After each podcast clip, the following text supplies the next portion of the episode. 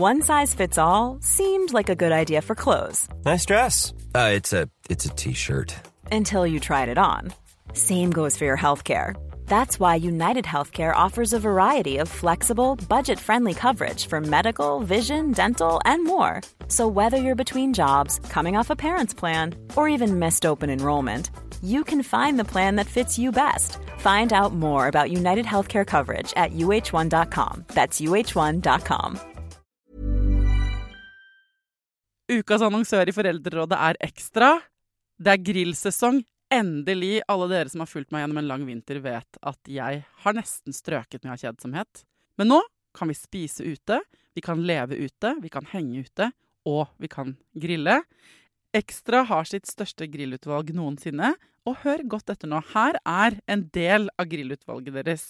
Habanero-pølser, salsiccia-pølser, black aged pepper-pølser, cheesy bacon-pølser, beefy burger, cheesy burger, skinny burger, big beefy gourmet-burger, fiskeburger med hvitløk, fiskeburger med bacon, rødbet og søtpotetburger, soppburger, barbecue, grillfilet, svinenakke med oregano og tomat, urtemarinert fårefilet, brisket, eller brisket som det egentlig heter, T-bone steak, flank steak, tomahawk, laksefilet med pesto, laksefilet med sitron, scampi med hvitløk og urter, crispy fiskeburger med ost, kyllingfilet med sitron og urter, kylling overlår, gyros, kyllingspyd, smoke, barbecue, lårfilet av kylling og entrecôte.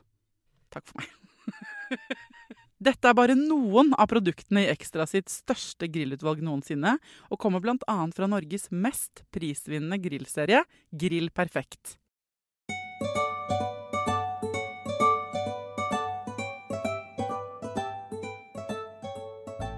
I dag i Foreldrerådet så skal det handle om obstetrisk vold. Det er både skikkelig, skikkelig komplisert og ganske brutalt og eh, potensielt triggende og provoserende. Så hvis du har en litt skjør morgen eller ettermiddag, eh, hvis du f.eks. sitter høygravid og hormonell, eller bare er vanlig hormonell, hvis eh, du ikke trenger å høre om de mørke sidene eh, ved fødsel, som av og til kan inntreffe, ikke sant, så er ikke dette episoden for deg. Eh, Jeg vil også si at jeg stikker hodet rett inn i et ganske heftig ormebol ved å lage en episode om dette. Men det føler jeg er min jobb, fordi hvis ikke jeg, som jo har en podkast om livet med unger, hvis ikke jeg eh, tør å ta opp dette temaet i denne podkasten, hvem skal gjøre det da, ikke sant? Altså, det, eh, da hadde jeg ikke fortjent denne jobben. Så hva er obstetrisk vold? Hvor mye av det fins i Norge? Vet de som utøver obstetrisk vold, at det er vold de utøver? Eller er problemet her en slags eh, misforståelse? Hvordan kan vi i så fall rette opp i den misforståelsen? Og hva kan du gjøre hvis du har blitt utsatt eh, for vold eh, når du fødte? Hvor skal du gå, hvem skal du snakke med, hva skal du si? Det er det jeg skal finne ut av i dag. Hjertelig velkommen til Foreldrerådet, alle sammen.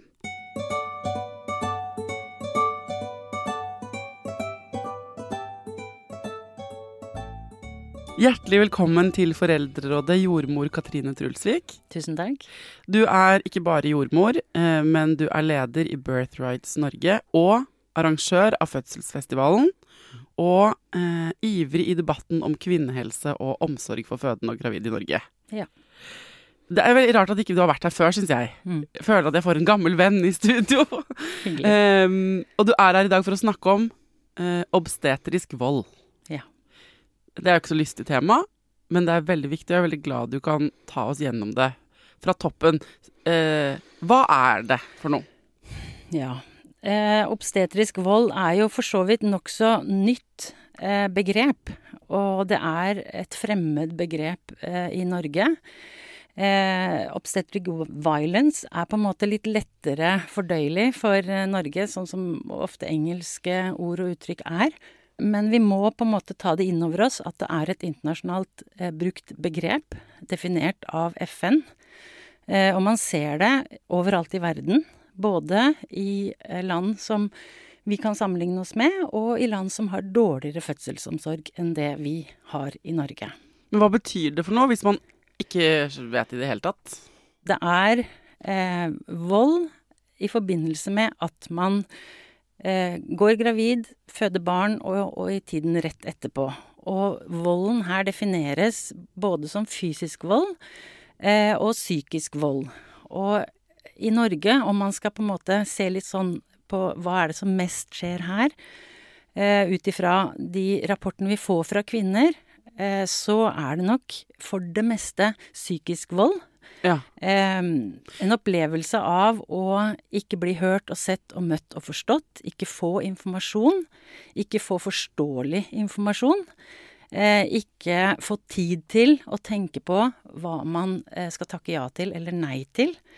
Eh, det blir brukt eh, en form for manipulering og maktmisbruk i forhold til å tvinges eller overtales til å gjøre ting som man egentlig ikke forstår poenget med å gjøre. Eh, og som faglig sett kanskje ikke er nødvendig å gjøre heller. Men kan vi begynne med, for at uh, det skal være helt sånn ryddig for folk som jo ofte bruker begrepet vold om andre ting. Vold er at man blir slått ned på gata, eller Mm. at eh, eh, psykisk vold i en relasjon, f.eks. Det, er- Mm. det er størrelse, Mm. vi kan forstå. Ja. Og så sa du innledningsvis at liksom ute i verden, obstetric violence Mm. er lettere å forstå, kanskje. Mm. Eh, kan du ikke ta liksom, Hva er det i sånn eh, i gåseøyne gammeldagse forståelsen av det, eller hvordan ser det ut i andre land langt Mm, unna? mm, mm. Hva kunne vært Ja. et, for, et, et, et veldig tydelig eksempel på Mm, vold? Mm. Eh, det fins historier både i nær eh, fortid og for lenge, lenge siden. Eh, kvinner under fødsel som har blitt holdt, altså fysisk holdt Ja. fast, fysisk bundet fast i fødesenga. Eh, de har, det er beskrevet hvordan man har tatt eh, sekker over hodet på kvinner for at de skal være stille. Lyd eh, og bevegelse har ikke vært akseptert i fødsel. Eh, sånn at det har blitt Kvinner har blitt hindra i både lyd og bevegelse gjennom Dette er sånn historisk. Ja. Eh, og så har man hatt noen sånne manøver eh, og noen sånne inngrep som kan defineres som vold, og det er å bli eh, ja, både holdt fast, eh, tvunget ned i senga eh, og trykket på magen. Eh, hardt, hardt, hardt smertefullt. Det er på en måte noen av de voldshendelsene som man kan på en måte ha sånn historisk. Og kanskje undersøkelser, vaginale undersøkelser man ikke vil og sånn? Absolutt. Altså det er jo også eh, Det er det det veldig sånn sårbart og ja, sårbart tema eh, i Norge og i andre land. Eh, når skal man vaginalundersøke? Hvorfor vaginalundersøker man? Eh, og eh, jordmødre sier til meg at ja, men la oss gjøre jobben vår, dette er viktig, vi vil jo bare at mor og barn skal ha det bra. Og eh, allikevel så klarer de på en måte ikke å ta inn over seg at det å vaginalundersøke en kvinne er et inngrep som krever både at man er forberedt på at det skal gjøres, at man har fått forklart hva, hva som skal gjøres og hvorfor det skal gjøres, og at man gjør det i den takten eh, som kvinnen har behov for at det gjøres. Og så er det det der med å definere det volds... Når er, det, når er noe vold, Mm, og når ja. er noe ikke vold? Ja. Det er jo uh, had, uh, I den, mitt barns forståelse av ordet vold, Mm. så er vold når noen slår noen andre. Mm. Ferdig. ikke sant? Det er liksom tydelig sånn Noen gjør noe som du ikke vil. Noen tvinger Ja. gjennom noe øh, du ikke vil. Og øh, der tenker jeg at de fleste forstår Hvis du blir holdt fast, ikke får lov til, blir påtvunget? Den fysiske maktmisbruket, Ja. det er ganske lett å forstå. Mm. Også i forhold til fødsel, i hvert fall for meg. Mm. Eh, og så har du den eh, der, der hvor vi begynner å diskutere, som er sånn Er en vaginalundersøkelse, kan det være vold? Ja, det kan det være, Mm. så vidt jeg forstår. Mm. Hvis jeg ikke vil ha det, Ja. og sier nei, og, og eh, eh, er veldig tydelig, og i mest eksplisitte sånn, Hvis jeg hadde blitt holdt fast og utført en undersøkelse på, Ja. veldig tydelig. Ja. Men hva Så kommer vi inn i det som gjør det litt vanskelig, ikke sant? Mm. Som er det du nevner her, er hva hvis man ikke tør å si nei? Mm. Hva hvis man ikke vet at man kan si nei? Hvor ligger Ikke sant, det er et grå en gråsone eller et slags sånn tåkete Mm, felt mm. der. Som gjør at du har skrevet kronikk om dette, og det har vært en del av en debatt hvor jeg vet at eh, du eh, representerer en vinkling på det, ikke sant? Mm, Og så er det noen andre sier sånn jord, Når du beskriver at jordmødre diskuterer det med deg, og sier vi må gjøre jobben vår. Mm. Det er jo ingen jordmødre i Norge som kanskje er eh, Hvis du spør dem er du, ø, liker du å utøve vold på fødestund, Mm. så er det jo ingen som svarer ja. Nei. Er, har jeg forstått det riktig da? Du har forstått det riktig, og samtidig så, så er det så følsomt nettopp fordi alle kjenner på at de har gjort det en eller annen gang. Jordmødrene? Mm. Jeg tror nesten alle, nesten alle, jeg skal ikke si alle, men nesten alle, meg inkludert, har vaginalundersøkt kvinner uten at de har egentlig samtykket. Eh, Det har ikke vært tydelig nok informasjon. Eh, Jeg har bare sagt at nå må vi vaginalundersøke. Eh, De har kanskje sagt ok, men de har ikke visst verken hvorfor, eller jeg har ikke spurt passer det nå. Eh, og jeg har også utført vaginalundersøkelser der jeg har tatt fingrene mine inn i kvinnens skjede. Poenget med å vaginalundersøke, det er jo å finne ut noe om en fødselframgang. Det kan diskuteres rent faglig om det faktisk er nødvendig, og det er i hvert fall ikke nødvendig så ofte som man gjør det. Og det var ikke utgangspunktet eh, i starten når man begynte å vaginalundersøke, at man skulle måle fremgang. Fordi at fremgang i fødsel er helt uforutsigbart. Og det vi finner med en undersøkelse, det kan endre seg i løpet av noen minutter. Eh, Så skulle man hatt full oversikt over det, så skulle man jo hatt fingrene sine inni der hele tiden, for å si det sånn. Så, så ehm, Sånn at jeg har jo utført det, og jeg har også eh, helt sikkert eh, utført det på den måten at jeg har kommet ganske langt inn i skjeden til kvinnen og er på vei til å finne mormunnsåpningen, og hun sier 'nei, stopp, vent, jeg orker ikke', og så sier jeg 'jeg er snart ferdig'. Mm. Bare vent litt nå, bare prøv å slappe av litt, så skal jeg være ferdig. Mm. Det er ikke greit. Nei. Og, og, jeg, og jeg er helt sikker på at jeg har gjort det, selv om jeg ikke kan pinpointe akkurat når. Men det var så vanlig. Mm. Og, og vi lærte det jo på den måten at vi Dette skulle vi gjøre. Som jordmors, man, på, på, på jordmorstudiet så lærer man at dette er en av de tingene vi gjør for å være god jordmor. Mm. Og så skal man rapportere det. Så skal man skrive det ned, og så skal man rapportere det. Og så er det på en måte eh, arbeidsoppgaven til jordmor. Åh, jeg har allerede tusen spørsmål inni hodet. Eh, For å definere ferdig hva det er, Mm. obstetrisk vold, så er det da øh, fysiske øh, ting som blir gjort med kvinner i en fødesituasjon, Mm. eller psykisk, som du nevnte i starten. Altså, kan du beskrive det mer? Ja, det er jo nettopp øh, hvis du ikke får informasjon, eller hvis du får en informasjon du ikke forstår, eller hvis du får en informasjon som du ikke har tid til å fordøye. Eh, hvis du blir eh, pressa til å eh, si ja eh, ved gjentatte hva skal jeg si, forslag. Jo, vi må undersøke deg. Nei, jeg vil ikke. Jo, men vi må undersøke deg. Og så, ikke sant, til slutt så sier man åh, ja, ok da. Eh, kanskje. Ehm, og, og det er en, en form for maktmisbruk eh, som i seg selv er et overgrep.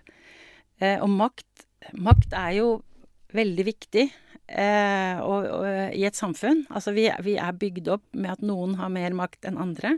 Det er jo det å på en måte ta vare på den rollen man har som maktutøver, da, som er viktig. Og det store ansvaret det er for å ikke bli maktmisbruker eller utøve vold fordi man driver med maktmisbruk. En av grunnene til at jeg ikke eh, skjønner det helt, kanskje, eller at jeg tror folk har litt vanskelig med å forstå det, er at de er så vant til Mm. at helsevesenet generelt Mm. har den selvfølgelig ujevne maktfordelingen. Man er pasient, og noen er lege. Mm. Og jeg er også så vant til at ting må gjøres med meg, om det er i fødselssituasjonen eller andre, som jeg ikke vet. Jeg Mm. vet ikke hvilken blodprøve dere må ta. Nei. Jeg vet ikke hvilken undersøkelse dere må gjøre med meg når jeg har streptokokker. Jeg vet ikke øhm, Jeg vet ikke. Jeg, jeg var øh, laget flere episoder her om øh, konisering og egen For jeg hadde celleforandringer her i fjor. Og Jeg sa da jeg skulle inn der og koniseres, jeg trenger ikke å sove. Jeg kan få lokalbedøvelse, jeg kan godt være våken. Og dette er et år siden. Jeg diskuterte dette nå i sommer med en gynekologvenninne av meg. Så sa anestesilegen Nei, men du skal få noe beroligende. Jeg sa ja, men jeg, det kan jeg godt. Jeg skal gjerne være smertelindret, men jeg kan godt være våken. Mm.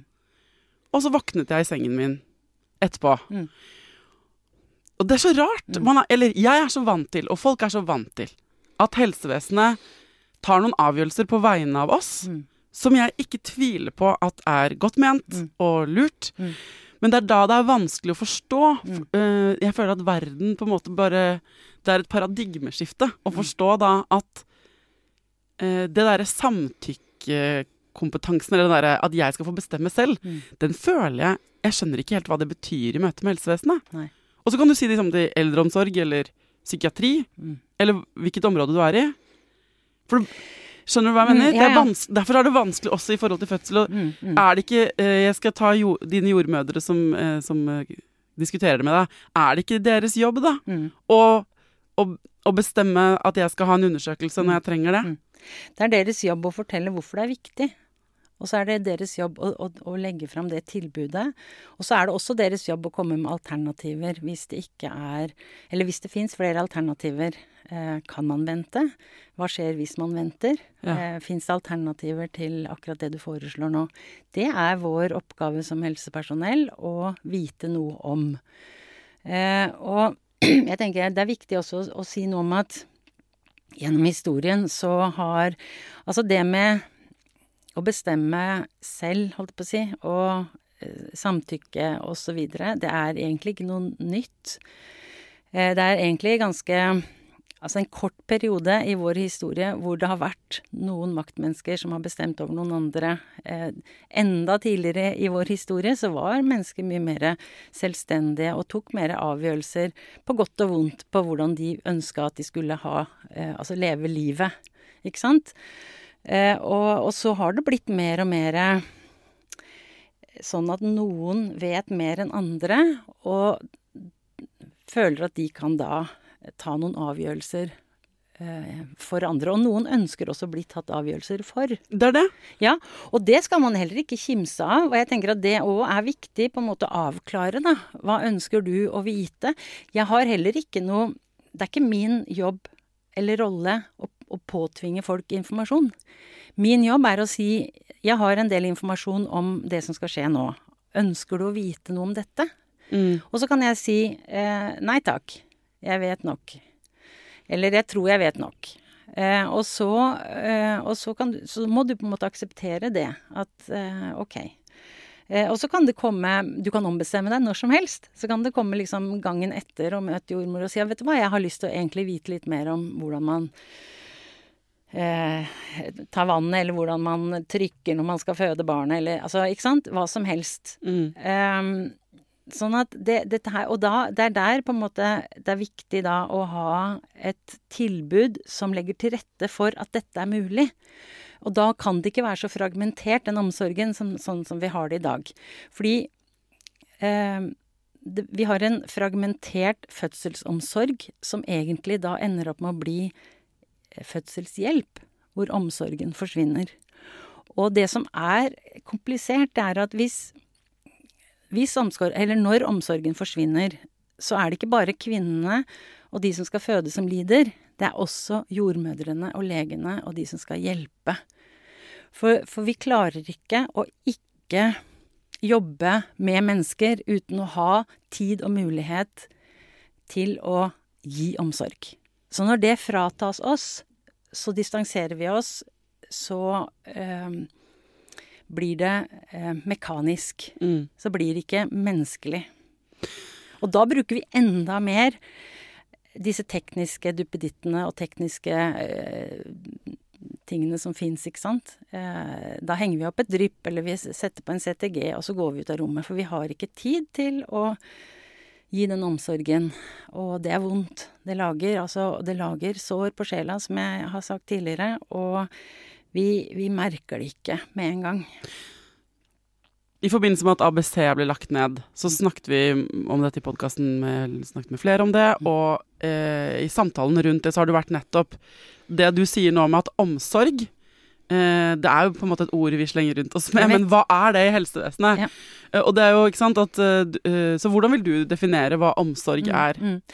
Omsorg, det, det er Altså, omsorg er noe av det aller viktigste. Det er på en måte grunnpilaren i all helsehjelp. Og vi har personlig omsorg. Vi, vi viser omsorg for hverandre. Altså det å være noe for noen.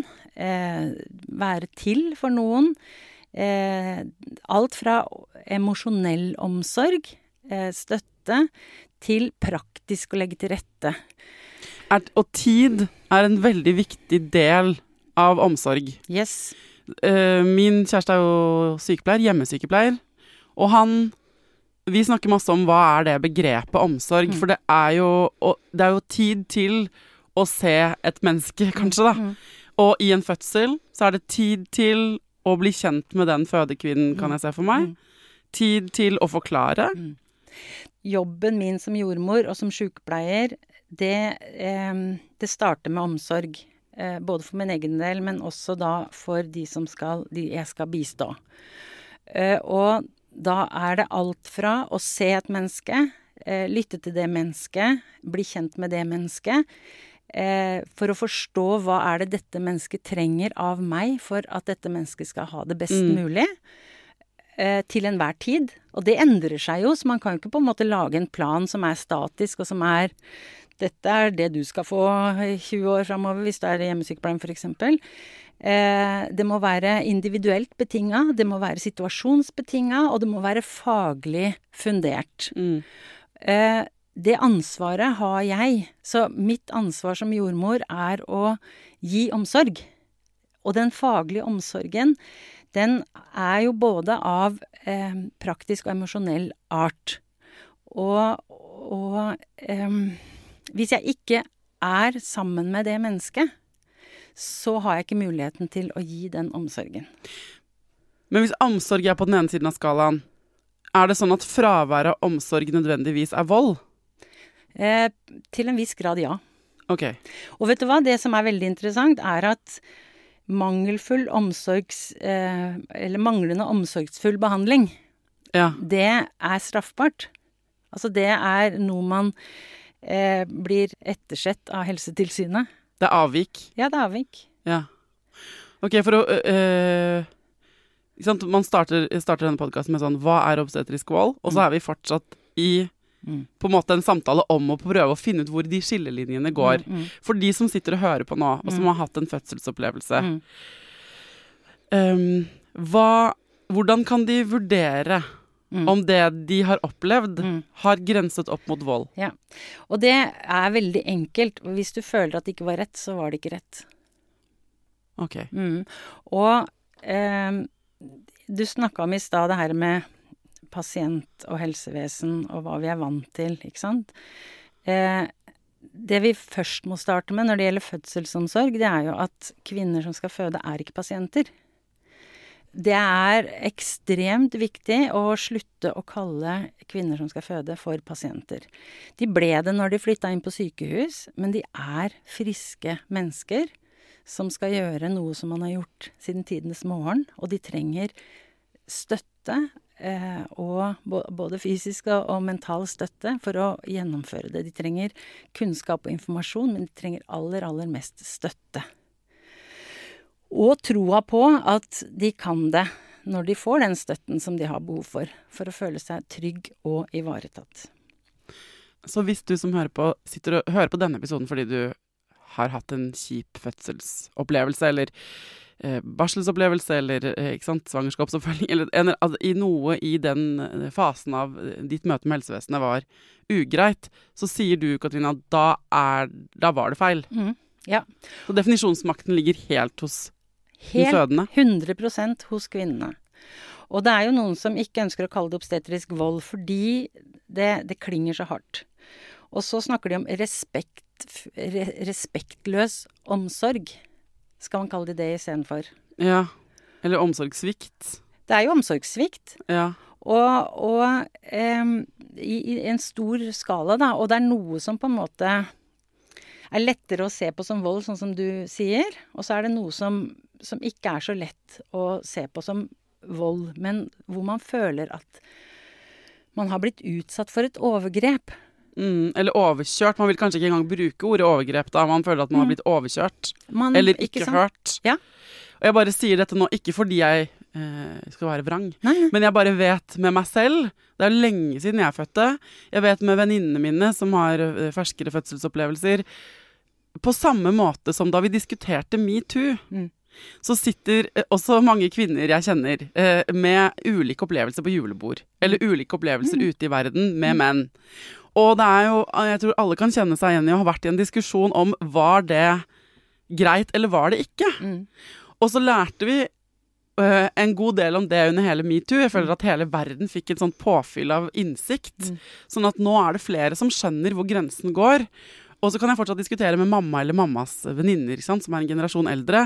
Men vi opplevde jo masse av det, og jeg føler jo ikke at jeg har blitt øh, voldtatt. Nei. Og så tenker jeg nei, men OK, den, øh, er det litt Kan man liksom sammenligne det litt i sånn forhold til hvordan man Hva man føler at er et overgrep, handler veldig mye om hva man tror man kan forvente.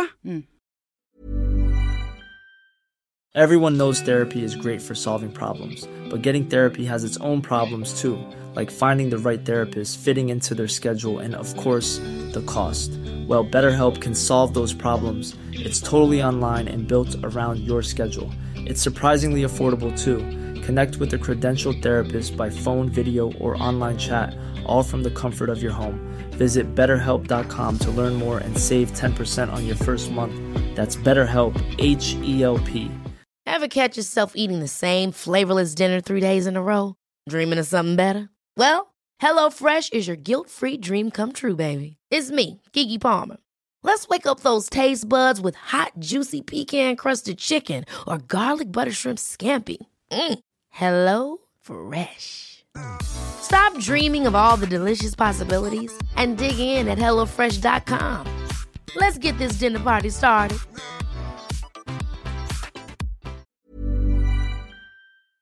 Ukas annonsør i Foreldrerådet er Nextory.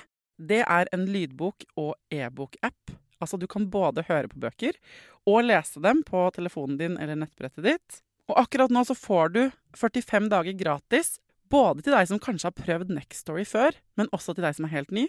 Jeg digger at også de som har prøvd det før, får lov til å prøve igjen. For å få 45 dager gratis, gå inn på nextory.no foreldrer. Nextory har tusenvis på tusenvis av bøker du kan lytte til eller lese. Og i dag har jeg tenkt å anbefale eh, noen bøker som eh, faller innenfor det som kanskje kalles selvhjelpsbøker. Men den kategorien har jo litt ufortjent dårlig rykte, spør du meg. Den første boka jeg vil anbefale, er boka som heter 'Psykolog med sovepose'. Johanne Refseth, som har skrevet den boka, var jo gjest her for noen uker siden. Den er absolutt verdt å lese eller lytte til. Andre anbefalingen jeg vil gi deg, er Sissel Grans bok 'Men størst av alt er begjæret', som handler om det å begjære noen andre enn den du er sammen med. Og jeg har også laget en episode med Sissel Gran om det temaet for et par år siden. Den boka er fantastisk. Hvis du har lyst til å prøve ut Nextory for første gang, eller eh, har prøvd ut før, men vil prøve det ut igjen, helt gratis i 45 dager, gå inn på skråstrek foreldrer. Ja, øh, absolutt. Og det, verden går jo framover, og det kan vi på en måte ikke lukke øynene for.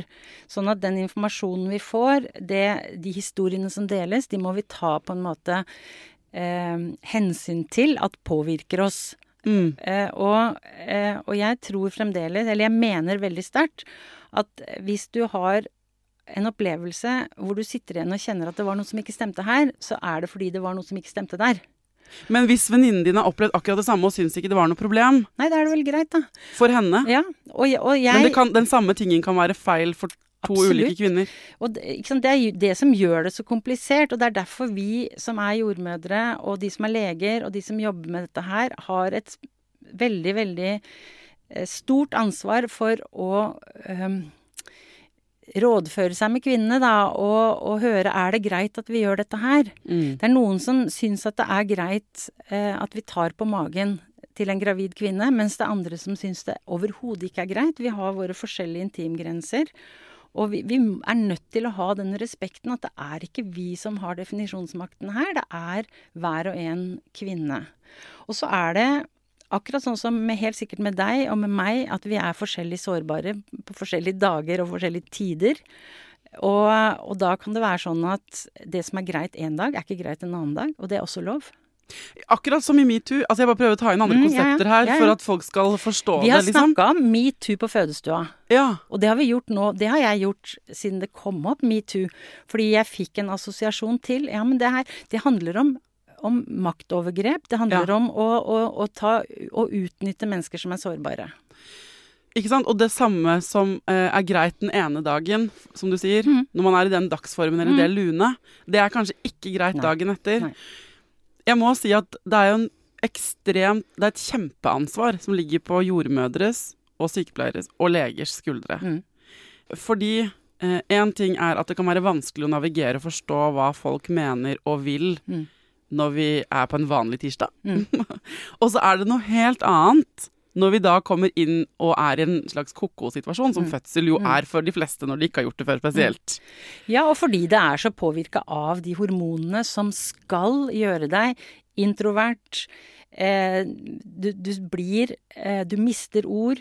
Du, du blir, sår, veldig sårbar. Du blir veldig sårbar, åpen. Du er Du har ikke mulighet til å beskytte deg rent sånn fysisk ei heller psykisk. Og det er derfor man på en måte har hatt føderom, eh, fødebobler, eh, mennesker rundt seg som skal være den beskyttelsen. Eh, fordi man kan ikke ta eh, Altså, en fødekvinne kan ikke verken argumentere for seg sjøl, og skal ikke det heller, i fødsel. Det, det Nei, så ansvaret hviler jo veldig på dere, for å, ikke sant? jeg som mm. er en så tydelig type, eh, eller folk som er veldig gode til å skrive fødebrev, eller være tydelig på svangerskapskontroll, kanskje, eller mm. Ikke sant. Så man tenker sånn Der, er, eh, der vet jeg hvor jeg har, det er mm. lett å lese deg. Mm. Eh, vi kan bli helt annerledes ja. i en sårbar situasjon. Ja, ja. Og så har du folk som i utgangspunktet eh, ikke er komfortable med autoriteter mm. i det hele tatt, sånn at de vil fra dag én på første fødselskontroll eller svangerskapskontroll være introvert og ikke komme med Det du sier du at mm. det er lege og jordmors ansvar å fiske ut og forstå ja, det er jo den, vår jobb. Ja. Det, er, det, er en, det, er en, enda viktigere jobb enn å vite hvordan man skal vaginalundersøke. Nettopp. Ja. Og, og det, det, er på en måte hele poenget med at vi kan ikke organisere fødselsomsorgen på den måten vi gjør. Vi må ha kontinuitet. Fordi jeg har jobba på begge måter, og jeg vet jo hvor mye enklere det er. Jeg, hvis jeg kjenner kvinnen fra hun er nygravid og gjennom hele svangerskapet Vi har prata om hva er det hun ønsker, ikke ønsker. Eh, så kan vi komme på fødsel, og jeg blir fullstendig overraska over eh, denne kvinnens eh, nye side. Det kan hende hun også blir overraska over den siden. Partner blir også ofte overraska. Kan bli overraska. Men nå har vi en situasjon hvor kvinnen er så trygg. Hun er i kjente eh, om hun er på fødestua, så har hun kjente mennesker rundt seg, da, hvis vi skal si at vi har en sånn kontinuitet i oppfølging eh, mm. med samme jordmor. Eh, men når jeg drev med hjemmefødsler, så var man jo eh, i trygge omgivelser, både eh, fysisk, altså med interiør og, og, sånne ting. Og så hadde man de menneskene man ville rundt seg. Og da kan man uttrykke seg spontant akkurat som man føler. Man kan bruke stemmen sin. Man kan si ord som man trodde man aldri kom til å si. Eh, man kan være helt tyst, og man er, man er sikker på at man blir forstått. Mm. Og at man blir respektert. Dette mangler når du skal komme inn og møte nye mennesker. Så, sånn at man, hvis man skal snakke om hva er det vi kan gjøre for å bedre situasjonen her og nå, så er det jo noen sånne type tiltak, da. At man må prøve å eh, bli litt kjent med det stedet man skal til, og de menneskene man skal møte. Ja, for å komme til eh, Hvis vi skal ta De som har nå opplevd obstetrisk vold, som mm. enten har visst det lenge, eller som gjennom denne samtalen, gjennom å høre på dette, skjønner 'herregud, det var det jeg ble utsatt for', mm. hva er det første vi kan hva, hva er det første de kan mm, gjøre? Mm. Jeg tenker at det første de skal gjøre, er å ta tak eh, Ta tak i en jordmor, eh, gjerne på helsestasjonen, og fortelle at de trenger å snakke gjennom fødselen sin igjen. Mm. Eh, om det er fire år siden, eller om det er tre måneder siden, eller om det er 20 år siden.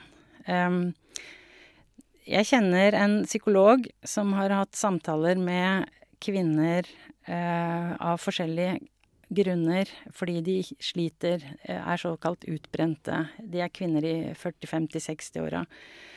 Eh, hun sier at felles for alle de kvinnene er at de ikke har snakka gjennom fødselen sin på en ordentlig måte.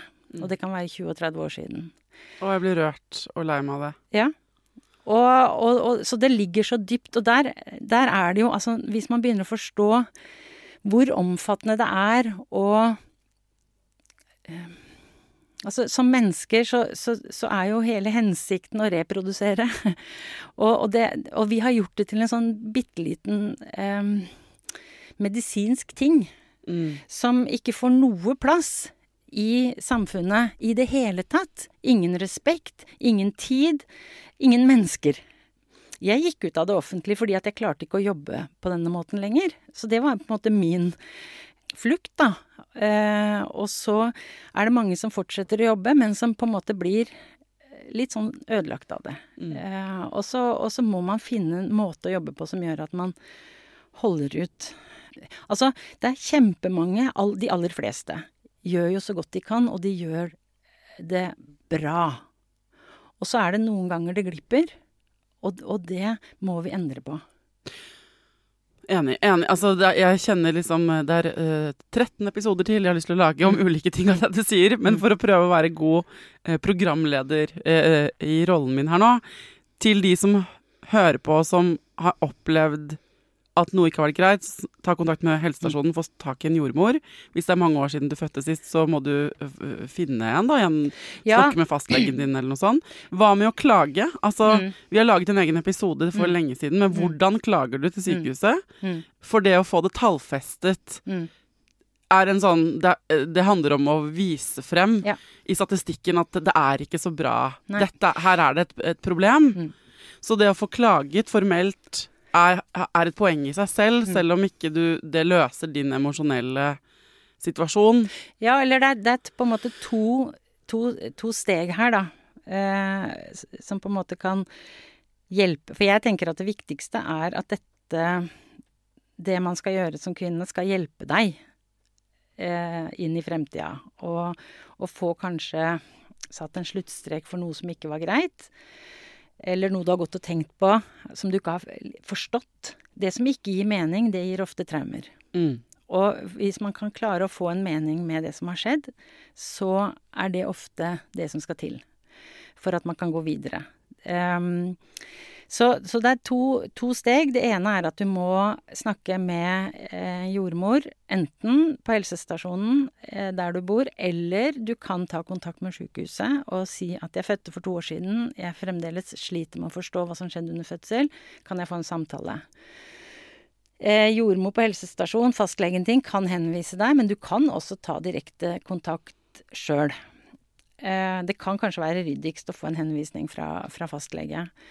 Eh, og jeg har mange eksempler på hvor det har vært eh, veldig styrkende for kvinnene. Mm. Eh, de har ikke fått noe eh, Hva skal jeg si eh, Situasjonen som var, endrer seg jo ikke. Det som skjedde, det skjedde. Men de har fått eh, en god samtale med fagfolk som kan gå tilbake og se på papirene og si ja, men det her var kanskje ikke akkurat sånn som vi skulle gjort det. Dette gjorde vi fordi sånn og sånn. Eh, og dette her var nok litt forhasta, eller dette her var helt nødvendig. Mm. Og, få rydda opp, man får debrifet yes, ordentlig. Yes, og få eh, Altså, man det, Akkurat det der med mening er jeg så opptatt av. For det som ikke gir mening, gir traumer. Mm. Det er veldig god quote. Ja. Burde sette på en T-skjorte. Ja. ja. så, så, sånn, og da, når man har gjort det Og det, det, det, kan godt starte med at man skriver ned fødselshistorien sin med edder og galle og alt hva det innebærer, ikke sant. Og så Jeg har fått mange, eh, i kraft av at jeg leder i Birthrights, så har jeg fått mange brev hvor de ønsker at jeg skal se over hva Kan jeg klage? Kan, kan dette sendes inn som en klage? Og, og for det meste så er det altfor mye til at det kan sendes inn som en klage. Det er en, en start. Men en klage må være veldig kort og konsist og veldig sånn jussisk for å forstå det. Mm. Eh, så så eh, man må på en måte eh, rydde opp i dette lange brevet, og det er en terapi i seg sjøl. Ikke Mm. sant? Så samtale, det å, å, å få mening i det som skjedde, og så eventuelt eh, sende inn en klage på det som faktisk var feil. Ok. Og så, og jeg vet at dette her ikke går an å svare på kort, eh, Katrine, Mm. men hva til de som jobber i feltet, Mm. som, som jobber i et system som ikke er tilrettelagt, Mm. ikke sant? For kontinuerlig oppfølging, for den omsorgen, for den roen, men som løper beina av seg på fulle vaktlister Mm. og jobber eh, skift og hører deg og holder på å bli slitne og prega sånn som du ble, og som Torbjørn på Mm. Ullevål ble, Mm. som ender opp med å slutte. Mm. Hva kan de gjøre? Mm. For det første så tror jeg at man vi, Hvis man starter med å be om å få fagmøter, eh, setter av tid til refleksjon, eh, gir forslag til avdelingsjordmor om at hver eneste uke eh, mellom sånn og sånn, så skal vi snakke gjennom eh, hvordan har uka vært, eh, hva skjedde, hva har vi gjort, hva har vi ikke gjort. Refleksjon er utrolig viktig for å Igjen da for jordmødrene å forstå meningen med det de driver med, ikke sant. Eh, og så er hver og en jordmor og hver og en lege på en fødeavdeling er nødt til å ta også et ansvar i å si fra når ting ikke fun funker. Eller når, når man gjør Det sier jeg også noe om i, i det her debattinnlegget mitt. At, at vi, vi har hver og en et ansvar for å si fra når noe ikke stemmer. Både på arbeidsplassen vår og, og i forhold til mennesker som opplever seg eh, Urettferdig urettferdig behandla. Ja. den selvinnsikten du kom med tidligere, da, som er den derre innrømmelsen Jeg har også foretatt undersøkelser Mm. som per definisjon er obstetrisk vold, som går Mm. under det begrepet. Mm. Jeg tenker Det er en så kjempeterskel å gå over Mm. for de som bare Nei, dette er ikke Mm. Ikke fortell meg at jeg gjør noe feil, jeg gjør så godt jeg kan. Ja. Det å være åpen for å faktisk med nysgjerrighet kikke på egen praksis og si Herregud, kan det hende at jeg også av og til gjør dette? Mm. Med den beste mening. Mm. Kan det hende at akkurat som i metoo, mange måtte gå en runde med selvrefleksjon. De har aldri ment, Nei. kanskje intensjonelt, å tråkke over noens grenser. Men vi har ikke skjønt. Systemet har på en måte vist oss eh, i feil retning. Så tenker jeg at det, for en jordmor eller for en som jobber og arbeider, om det er en barnepleier for den saks skyld, som jobber med en fødende som er tett på eh, barselkvinnen, det å gå i seg selv og vurdere sine egne handlinger, det er ganske nærgående og krevende.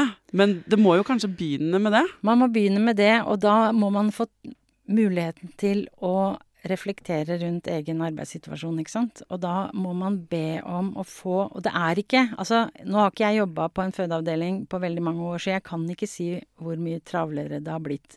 Men det er helt sikkert perioder hvor det ikke er så travelt, og så er det perioder hvor det er veldig travelt. Eh, men det, det er noe med å på en måte eh, den her, Hvis man setter av ti minutter, da, eh, eller en halvtime, og, og tar det eh, på alvor, og prater om det man driver med, eh, så vil det gi vekst.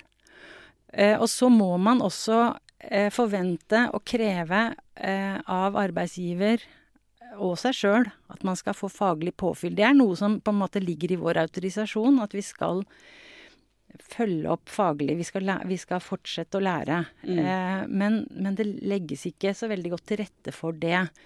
Det er hensikten min med fødselsfestivalen. Det er jo nettopp faglig eh, påfyll og etablering av nettverk hvor man kan føle seg sterkere sammen eh, i denne faglige eh, veien å gå.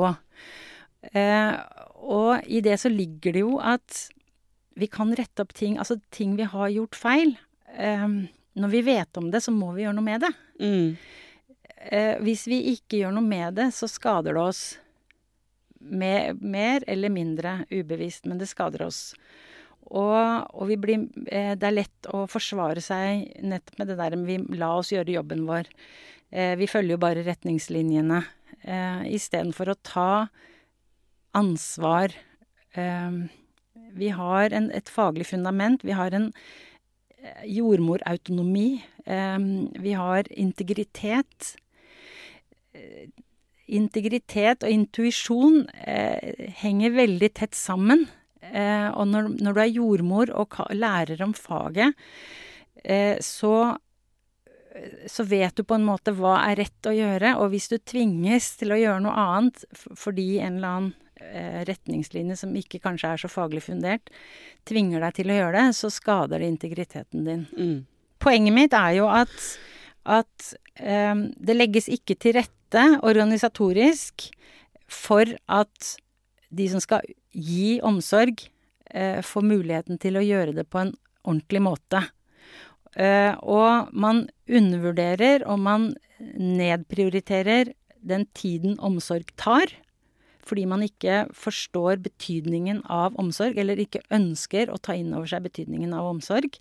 Det er Alt handler om omsorg. Alt handler om å ta vare på hverandre, se hverandre, forstå hverandre. Det går begge veier. Um, og spesielt i fødsel, som er en oksytocinøvelse. Ikke sant? sant? Det er ja. det som er hele greia med fødsel. Ja. Jeg er veldig, veldig sikker på at hvis du Hvis det er noe som er viktig, rent faglig, så, så klarer du å forklare det på en sånn måte at de aller, aller, aller fleste kvinner sier ja, men da forstår jeg. Da kan du gjøre det. Og haster det fordi det haster for kvinnen? Eller haster det fordi, skal, fordi det er vaktskifte? Mm. Ja. Som også er jo liksom, Hvem haster det for? Hvem haster det for, og hvem er det du skal stå til ansvar for? Og det riktige svaret er? Man skal stå til ansvar for kvinnen og seg selv. Og så er det klart at man, skal, man har et faglig ansvar. Eh, men man skal ikke stå til ansvar for de som er inne på vaktrommet og ønsker å bli ferdig med en fødsel fordi man må ha en ny kvinne inn på fødestua, f.eks. Mm. Kanskje. Altså man må i hvert fall finne Det er ikke enkelt. Man må finne akseptable løsninger inntil vi klarer å organisere oss på en annen måte. Men vi er nødt til å starte å organisere oss på en annen måte. Hvis ikke så går det filleveien, altså. Ok, jeg skal prøve å oppsummere hva obstetrisk vold er, så er det eh, vold utøvd fysisk eller psykisk under fødselssituasjonen.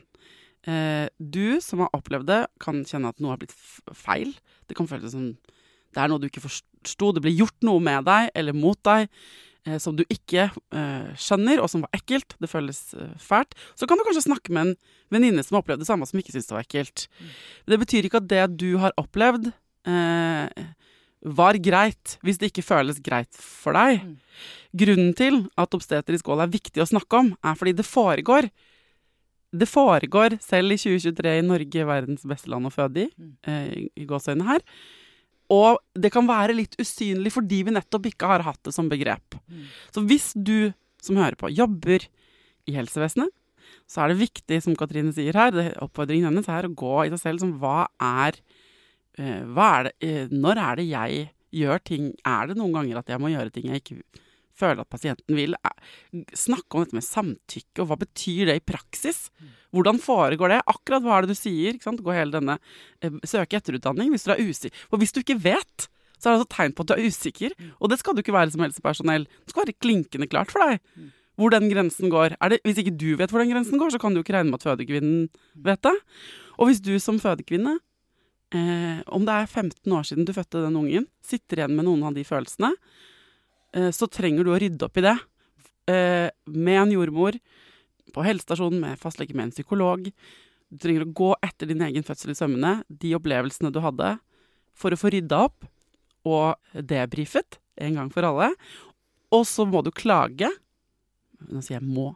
Så kan du klage, sånn at det blir en del av statistikken fordi det er dritvanskelig å snakke om obstetrisk vold Men det er nettopp derfor det er så sinnssykt viktig at vi snakker om det. Det er den eneste måten vi kan få gjort noe med det på. Tusen takk for at du kom til Foreldrerådet, Katrine, og takk for at du eh, dundrer på med dette engasjementet. Jeg anbefaler alle å følge eh, Fødselsfestivalen på Instagram. Der legger dere ut eh, ting og tang. Ja, Facebook er jeg best på, da, men eh, Instagram okay, jeg, jeg følger dere på Instagram. Um, og eh, det går an å google Birthrights Norge og lese om arbeidet til Katrine der og til de andre. Um, jeg håper du kan komme tilbake og snakke mer om vanskelig tematikk og føding og sånt. Mm. Ja, eh, det som er på tapetet nå er jo fødselsfestivalen 4.9, hvor vi skal ta opp obstetrisk vold. Hvor vi skal ha juristen, advokaten, som, lag, som dannet Human Rights in Childbirth. Ja, eh, Hermine Heiss Klein. Hun kommer fra USA for å snakke om menneskerettigheter i fødsel, faktisk. Kan man øh, få med seg Fødselsfestivalen eh, Ja, den lagt som deltaker? Ja. Hvem som helst. Og den eh, fødselsfestivalen er på en måte lagt opp sånn at alle skal kunne få med seg det viktige. Det skal være for, for menig mann og menig kvinne og eh, helsepersonell og fagfolk på alle nivåer. Og det kommer også folk fra alle eh, yrkes... Eh, ja, alle yrker. Og helt eh, kvinner som ønsker bare å vite mer fordi de har født eller skal føde. Det går også an å streame eh, fødselsfestivalen i år. Eh, Og det jeg ønsker så veldig at dette her skal komme ut til veldig, veldig, veldig mange. Tusen takk for at du kom til Foreldrerådet, Katrine. Bare hyggelig.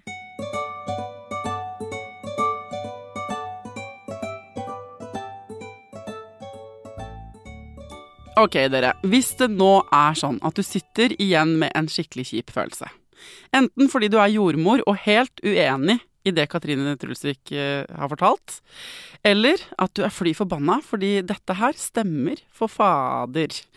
og dette eh, har du noen erfaring med og vil skrive om eller melde fra om. Hvis du syns det er hårreisende at jeg i det hele tatt våger å snakke om dette temaet i denne podkasten, altså uansett hvilken sterke eh, reaksjon du måtte ha, så er jeg veldig interessert i å snakke med deg, eller inngå en dialog, eller få tips. Fordi eh, vi blir ikke klokere, i hvert fall ikke jeg, enn de menneskene eh, jeg snakker med, som forteller meg om ulike sider av f.eks. fødselsomsorgen. Eh, og jeg inviterer gjerne flere eksperter, andre syn på saken, eh, inn her, så vi kan eh, snakke mer og lære mer. Jeg lærer i takt med dere når jeg sitter og lager denne podkasten, og jeg er helt avhengig av at dere bidrar til det gruppearbeidet ved å tipse meg f.eks. Mm, om folk jeg burde prate med, da. Så hvis du har noen innspill til meg, kritikk eller ros eller hva det nå skulle være, send meg en mail på foreldreradet at gmail.com, eller eh, på Instagram til Foreldrerådet-kontoen der. Jeg gleder meg til å ta imot både sinna-emojier og gråte-emojier og hjerte-emojier og alt sammen. Det er hjertelig velkommen i min innboks. Jeg tror hardnakket ikke at noen ting blir bedre av at vi ikke snakker om det. Det er mitt motto i livet, selv om det av og til er vanskelige temaer, da. Ok, tusen takk for at du hører på Foreldrerådet. Eh, til neste gang, ta vare på deg sjæl, ta vare på ungen din, og lykke til.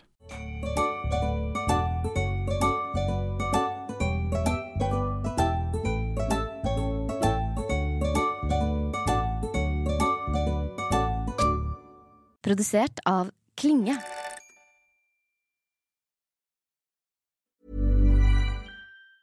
Ever catch yourself eating the same flavorless dinner three days in a row? Dreaming of something better? Well, HelloFresh is your guilt-free dream come true, baby. It's me, Gigi Palmer. Let's wake up those taste buds with hot, juicy pecan-crusted chicken or garlic butter shrimp scampi. Mm. Hello Fresh. Stop dreaming of all the delicious possibilities and dig in at HelloFresh.com. Let's get this dinner party started. Hey, it's Paige DeSorbo from Giggly Squad. High quality fashion without the price tag. Say hello to Quince. I'm snagging high-end essentials like cozy cashmere sweaters, sleek leather jackets, fine jewelry, and so much more. With Quince being 50 to 80% less than similar brands. And they partner with factories that prioritize safe, ethical, and responsible manufacturing. I love that. Luxury quality within reach. Go to quince.com slash style to get free shipping and 365 day returns on your next order. Quince.com slash style. This message comes from BOF sponsor eBay. You'll know real when you get it. It'll say eBay Authenticity Guarantee. And you'll feel it. Maybe it's a head turning handbag, a watch that says it all, jewelry that makes you look like the gem, or sneakers and streetwear so fresh every step feels fly. eBay gets it. So look for the blue check mark next to that thing you love and be confident that every inch, stitch, sole, and logo is checked by experts. With eBay Authenticity Guarantee, you can trust that feeling of real is always in reach. Ensure your next purchase is the real deal. Visit eBay.com for terms. Imagine the softest sheets you've ever felt. Now imagine them getting even softer over time. That's what you'll feel with Bowl and Branch's organic cotton sheets. In a recent customer survey, 96% replied that Bowl and Branch sheets get softer with every wash. Start getting your best night's sleep in these sheets that get softer and softer for years to come. Try their sheets with a 30-night guarantee. Plus, get 15% off your first order at bowlandbranch.com. Code BUTTERY. Exclusions apply. See site for details.